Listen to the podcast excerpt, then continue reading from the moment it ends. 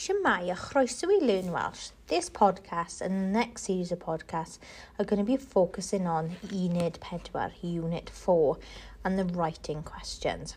In this podcast, we're going to start with the five mark question. So here goes.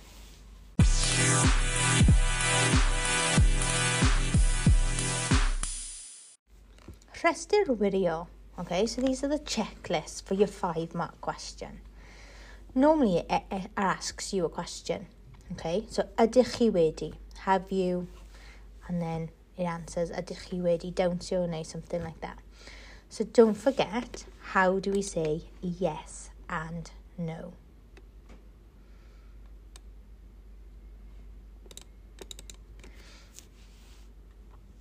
So we have ydych chi, or it could be oiti, So if it's ydych chi or oiti, you answer ydw for yes, nac ydi, nac ydw for no. If the question is ydy, you answer ydy for yes, nacadi for no. If the question starts with oes, you answer oes or nac oes. If the question is oedd, so was or were, you answer oedd for yes, nac oedd for no. If the question is hoffech chi or hoffet ti, so would you like? Hoffwn is yes, so for example, I would like. Na hoffwn, I wouldn't like. If the question starts with fydd, so will, you answer bydd for will or na fydd, so for will not. So don't forget to look how the question starts. Once you've answered yes or no correctly, I need you to ysgrifennu dau rheswm, so write two reasons.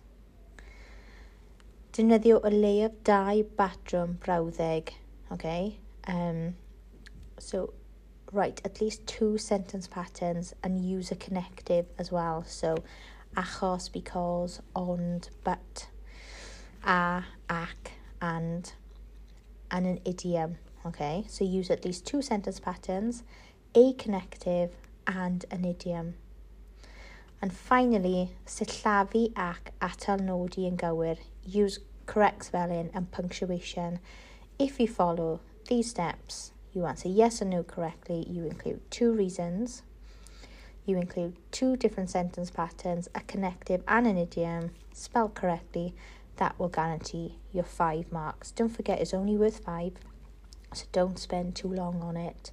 Just make sure you hit the checklist public.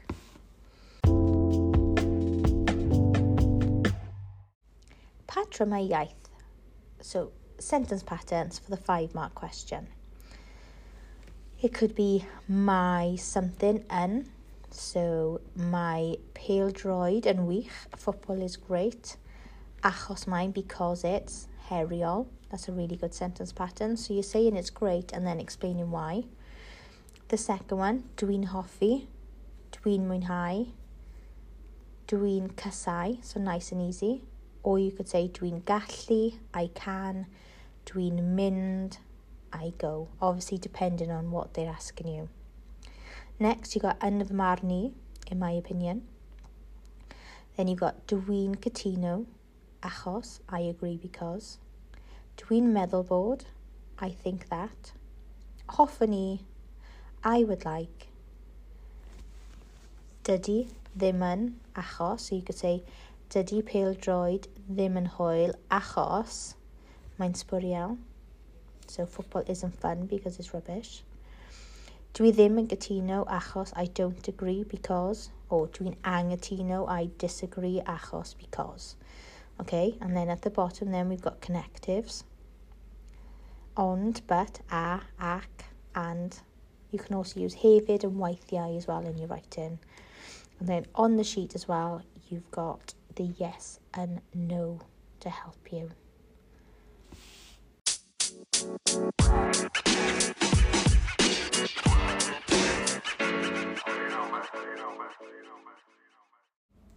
Now let's look at examples for how to give reasons and, and what you need to do to gain those two marks. So if you give a simple basic sentence pattern expressing your opinion, for example, you said, Mae bwytyn iach yn bwysig, or dwi'n hoffi pale droid, they are basic, they are simple and they're not detailed. That will get you one mark. If you say, yn fy marn i mae bwytyn iach yn bwysig achos, because, and then you give an extra reason, that's an extended reason, that will give you the full two marks as well. Okay?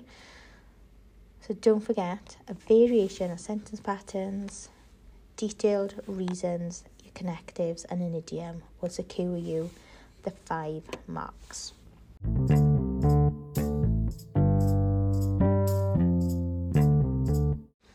Right, let's have a look at the next page. So let's remind ourselves. The question, the five more questions in two parts. Rhan part one.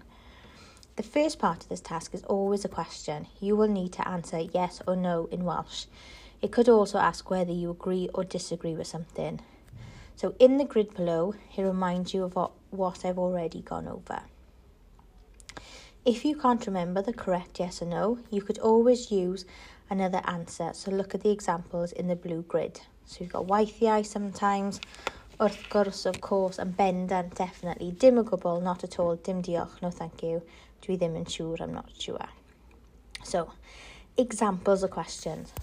Oet ti'n hoffi dysgu hanes? It starts with oet ti'n, how do we answer yes or no? Da iawn, it's ydw o nac ydw. Or it could be, ydych chi'n hoffi dysgu hanes? It's still do you like, so you say ydw for yes, nac ydw for no. Okay? Don't forget you could answer of course, weithiau sometimes, dim gwbl. They would be accepted and you would gain your mark. 2, the second part. The second part of this task asks for reasons. You usually have to give two reasons and each reason can gain up to two marks. A basic reason, one mark. Dwi'n hoffi bwyta pizza. Basic. An extended reason gets you two marks. Fy hoff fwyd ydy pizza achos Mae'n flasus. And then you could add ac yn well na pasta. So that is detailed.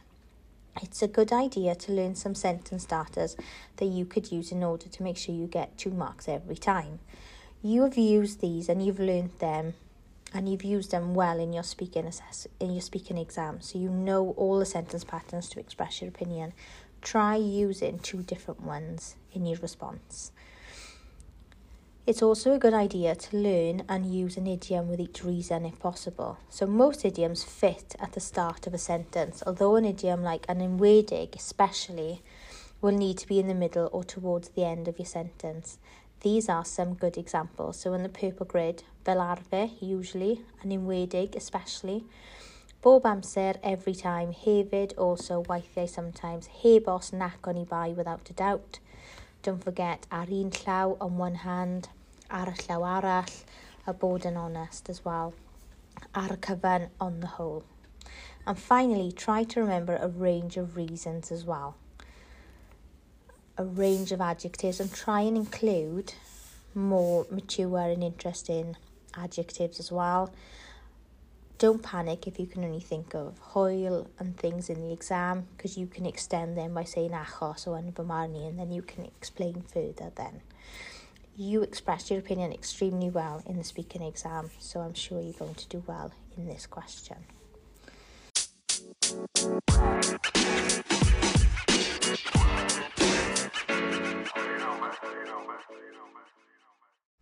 Right, now we've got all the information and tips on how to complete a five mark question correctly, let's have a go at two questions. There are more um, in the document, feel free to answer them all. Question 1. Mae'n gas gyda fi chwaraeon. Mae celf yn well o lawer. So, oed ti'n gytuno gyda Heledd? And that's a mark, and then rhowch dau rheswm, and that's four marks. So the statement is, mae gas gyda fi chwaraeon. I hate sport, PE. Mae celf yn well o lawer. So art is a lot better, okay? Do you agree? So the question starts with oitin. So you could either say adu, nac adu. You could say adu dwi'n gytuno gyda Heledd. Yes, I agree with Heledd. But don't forget you've got the weithiau sometimes. Um, dim o gwbl, not at all if you can't remember how to answer. Then, do you remember the checklist? Okay, so you get two reasons, two marks per reason maximum. Don't forget the simple marks reasons will only get you one mark. You need to extend further. So look back, start the sentences differently, include a connective and an idiom as well. Pob luck. And the second practice question. Yn ôl Jack, mae gwisysgol yn syniad da. O'i ti'n gytuno gyda fe? Yn ôl, according to Jack, mae gwisysgol yn syniad da. School uniform is a good idea. So, o'i ti'n gytuno? So you could answer ydw or nac ydw. Um, ydw, dwi'n gytuno gyda Jack. Yes, I agree with Jack. Nac ydw, dydw i ddim yn gytuno or dwi'n angytuno and that will get you a mark. Then you need two reasons, extended, a connective and an idiom, and start the sentences off differently to gain the four marks. So have a go at answer that. Poor luck. So there are other questions that you can answer and practice, which I would recommend, which will be on the document. But that's it for this podcast. Don't forget to look over the basics. Remember not to write too much because it's only worth five marks and to keep an eye on the clock so you're not wasting too much time on a five mark question. Poor luck.